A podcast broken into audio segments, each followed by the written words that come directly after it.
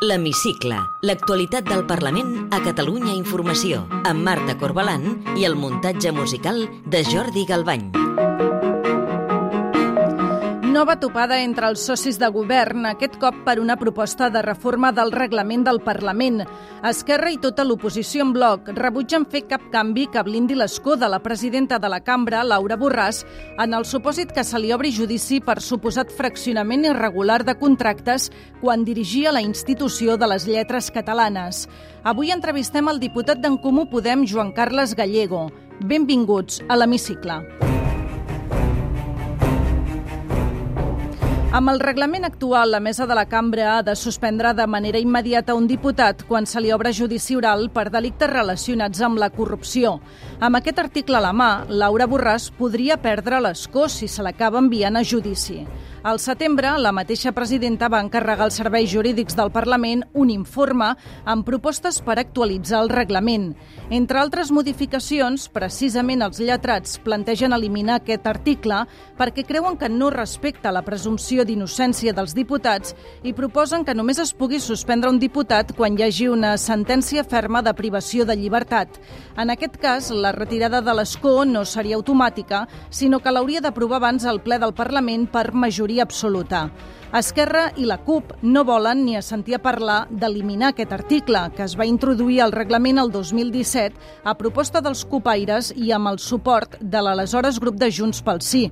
Sentim la portaveu dels republicans Marta Vilalta i la diputada de la CUP Eulàlia Reguant. Totes aquelles propostes de reforma del reglament del Parlament de Catalunya que es puguin fer, les fem pensant en l'interès col·lectiu, en l'interès eh, general i comú, no pas aplicant a, o que es pugui aplicar casuístiques concretes, perquè no podem confondre um, les institucions i les regles del joc de les institucions amb persones uh, concretes. L'article 25.4 és una eina del Parlament de Catalunya per lluitar contra la corrupció. Per tant, nosaltres defensem que tot l'article 25 i, per tant, l'article 25.4 han de quedar en el reglament tal i com està redactat en l'actualitat.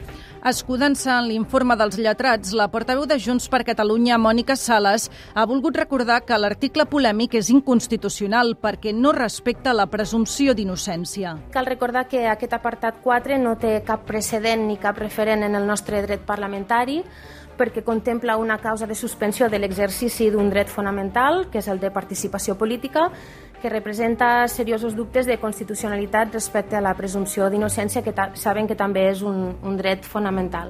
L'oposició en bloc va carregar contra l'informe dels lletrats perquè ho veuen tot plegat una reforma mida per a la presidenta del Parlament. Sentim Alicia Romero del PSC, David Cid dels Comuns, Carlos Carrizosa de Ciutadans i Joan Garriga de Vox. Sembla que algunes de les propostes de modificació que es fan en aquest document són de part que no es compti amb nosaltres. No donarem suport a una, a una reforma del reglament que està feta a la carta. Ella se quiere hacer, la señora Borràs, un reglamento a la medida de sus problemas judiciales. Es gravísimo que una presidenta del Parlamento pida un informe y que quiera protegerse de esta manera utilizando las instituciones al servicio de su causa personal. La presidenta del Parlament responia a les crítiques assegurant que l'informe dels lletrats és de caràcter tècnic. El que hi ha aquí és qüestions tècniques i qüestions jurídiques. Qui perverteix segurament un informe tècnic és qui en fa una lectura política. Tot i el rebombori que ha provocat l'informe dels serveis jurídics, reformar el reglament de la cambra és un camí feixuc i llarg.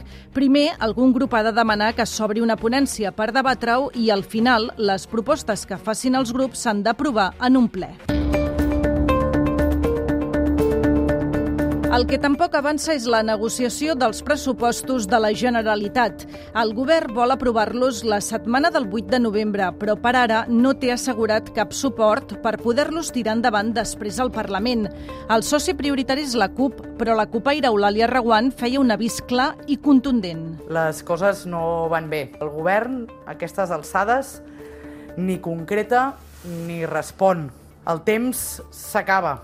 Aquesta setmana s'han sabut alguns detalls dels pressupostos per al 2022.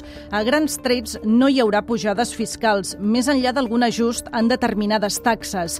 La CUP volia precisament que s'incrementés la pressió fiscal a les rendes més altes de 60.000 euros. La resolució de la declaració dels i les representants del Parlament queda aprovada per 70 vots a favor, 10 en contra i 2 vots en blanc. Aquesta setmana ha fet 4 anys de la fallida declaració d'independència aprovada pel Parlament. La presidenta Laura Borràs l'ha reivindicada, deixant clar que la independència no és una utopia. Quatre anys després d'aquells fets i vista la reacció de l'estat espanyol, aquesta declaració continua sent avui més necessària que mai. L'objectiu continua sent plenament vigent. Coincidint amb l'aniversari de la declaració d'independència, els Mossos van detenir dimecres l'exvicepresident del Parlament, Josep Costa. La magistrada Maria Eugènia Alegret va ordenar detenir-lo perquè no es va presentar a declarar quan estava citat al setembre per la causa que investiga l'anterior mesa del Parlament per haver tramitat propostes a favor de l'autodeterminació i de reprovació de la monarquia. Costa ha anunciat una querella contra la magistrada per detenció il·legal. Té la paraula. Soc en Joan Carles Gallego, diputat al Parlament de Catalunya per en Comú Podem. Aquests dies s'estan negociant els pressupostos per partida doble, els de l'Estat i els de la Generalitat. Pel que fa als comptes catalans, el govern té previst aprovar-los a principis de novembre i ja s'han conegut alguns detalls de la llei d'acompanyament.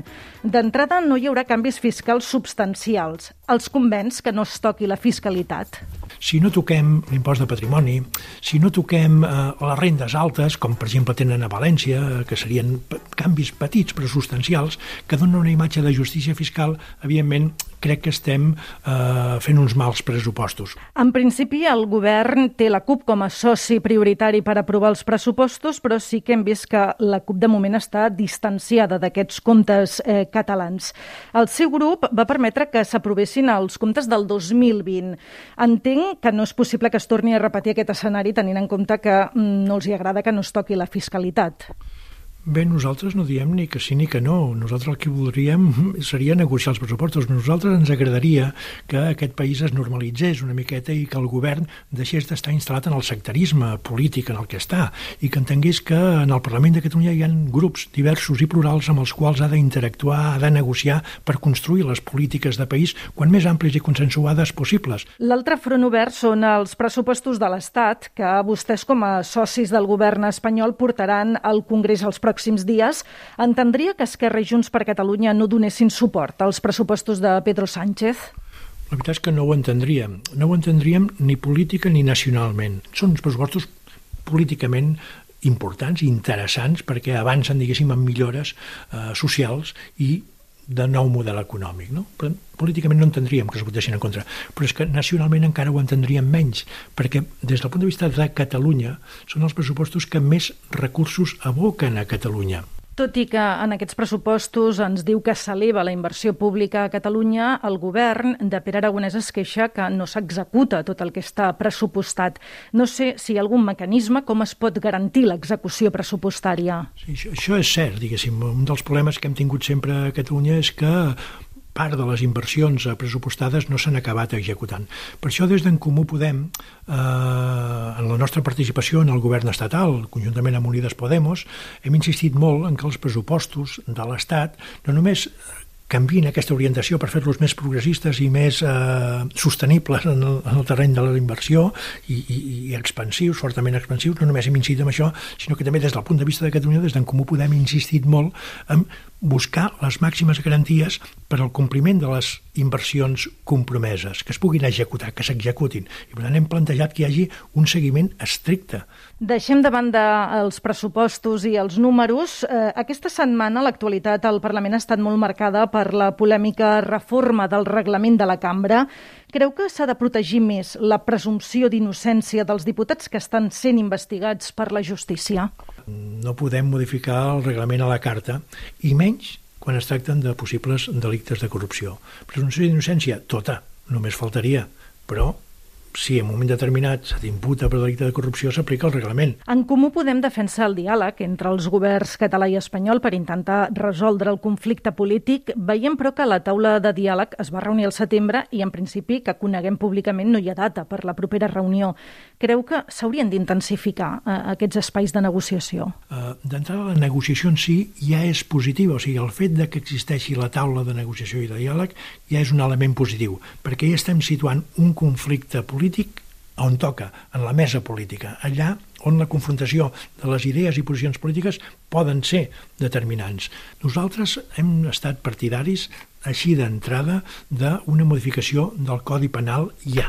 Nosaltres entenem que quan abans modifiquem el Codi Penal per eliminar eh, els delictes de sedició i de rebel·lió tal com estaven formulats, seria el primer pas necessari perquè caiguessin totes les causes que estan sota aquesta acusació de rebel·lió i sedició. Si modifiquem aquest tipus de delicte, eliminem d'entrada eh, bona part de les imputacions que hi han i, a més, retrotraem també eh, part de les penes d'alguns de, dels encausats. Per tant, aquesta seria, diguéssim, eh, un element fonamental, perquè, a més, això permetria abordar tota la solució, tant de les persones encausades com de les persones que han patit presó, com de les persones que estan fora de l'Estat en aquests moments. No? Per tant, aquesta seria, diguéssim, una primera una primera via de, de solució. Ens comentava ara que una de les propostes del seu grup és la reforma del delicte de sedició, una reforma del Codi Penal, però eh, sembla ser que el PSOE no té presses en això, almenys està guardada en un calaix aquesta reforma, tenint en compte que després s'ha de tramitar parlamentàriament i que això comporta temps, eh, veu els socialistes amb disposició d'abordar aquest tema?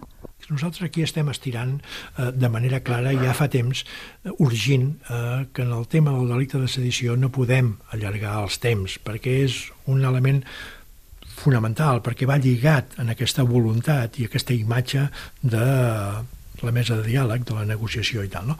Per tant, nosaltres ens agradaria que s'accelerés aquest tema. És cert que ara eh, el tema dels pressupostos farà inviable, diguéssim, que abans del debat i aprovació dels pressupostos es moguin altres qüestions d'aquest característic. Però entenem que un cop eh, situat el tema dels pressupostos eh, i tal, crec que necessàriament cal abordar aquest, eh, aquest tema. Ens endinsem ara en el terreny més personal i demano si pot contestar a partir d'ara amb respostes com més breus millor. En la seva trajectòria, molta gent el recorda de la seva etapa com a líder sindicalista al capdavant de comissions obreres. Per què va decidir fer aquest pas a la política? Jo veia que eh, el moment polític eh, era prou complicat i prou complexa com per mm, traslladar aquell compromís polític i social que he mantingut durant tota la meva vida i poder-lo traslladar, diguéssim, incorporant-me a la proposta que em feia la, la, Jess, la Jessica Albiach. No? Digui'm dos adjectius que el descriguin. Uh, home, treballador, volien dir que sóc un treballador, que si m'hi poso, m'hi poso, diguéssim, no? I l'altre, uh, negociador. M'han dit que és un apassionat de la poesia. A banda de llegir-ne, també n'escriu? Bueno, sí, però amb una llibreta que només l'obro jo, perquè són dolentes, dolentes, però bueno, a mi m'agraden.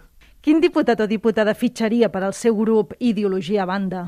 Clar, jo he tingut molta relació, per exemple, amb, amb el Bartomeu Comte, no? que és un diputat d'Esquerra Republicana, que ha estat eh, secretari general eh, de Comissions Obreres a Girona durant molts anys i que el coneixo molt d'haver treballat amb ell conjuntament a temes laborals i coincidit amb ell aquí en el Parlament i he tingut molt bona entesa i veig que podem construir coses, per tant, el podria fitxar perfectament. No? Quina injustícia social l'enirva més? El sensellarisme perquè implica de situació molt concreta i la desigualtat com a concepte de diferència, de despreci per al diferent. No? I ja per acabar, completi la frase següent. El que més m'agradaria del món és... La felicitat és molt manit, no? Però sí, la pau, la felicitat, la igualtat... Joan Carles Gallego, diputat d'en Comú Podem al Parlament, gràcies per atendre'ns a l'hemicicle de Catalunya Informació. Gràcies a vosaltres. Podeu tornar a escoltar l'Hemicicle al web catradio.cat barra hemicicle o al podcast del programa i seguir l'actualitat del Parlament al perfil de Twitter arroba L-hemicicle.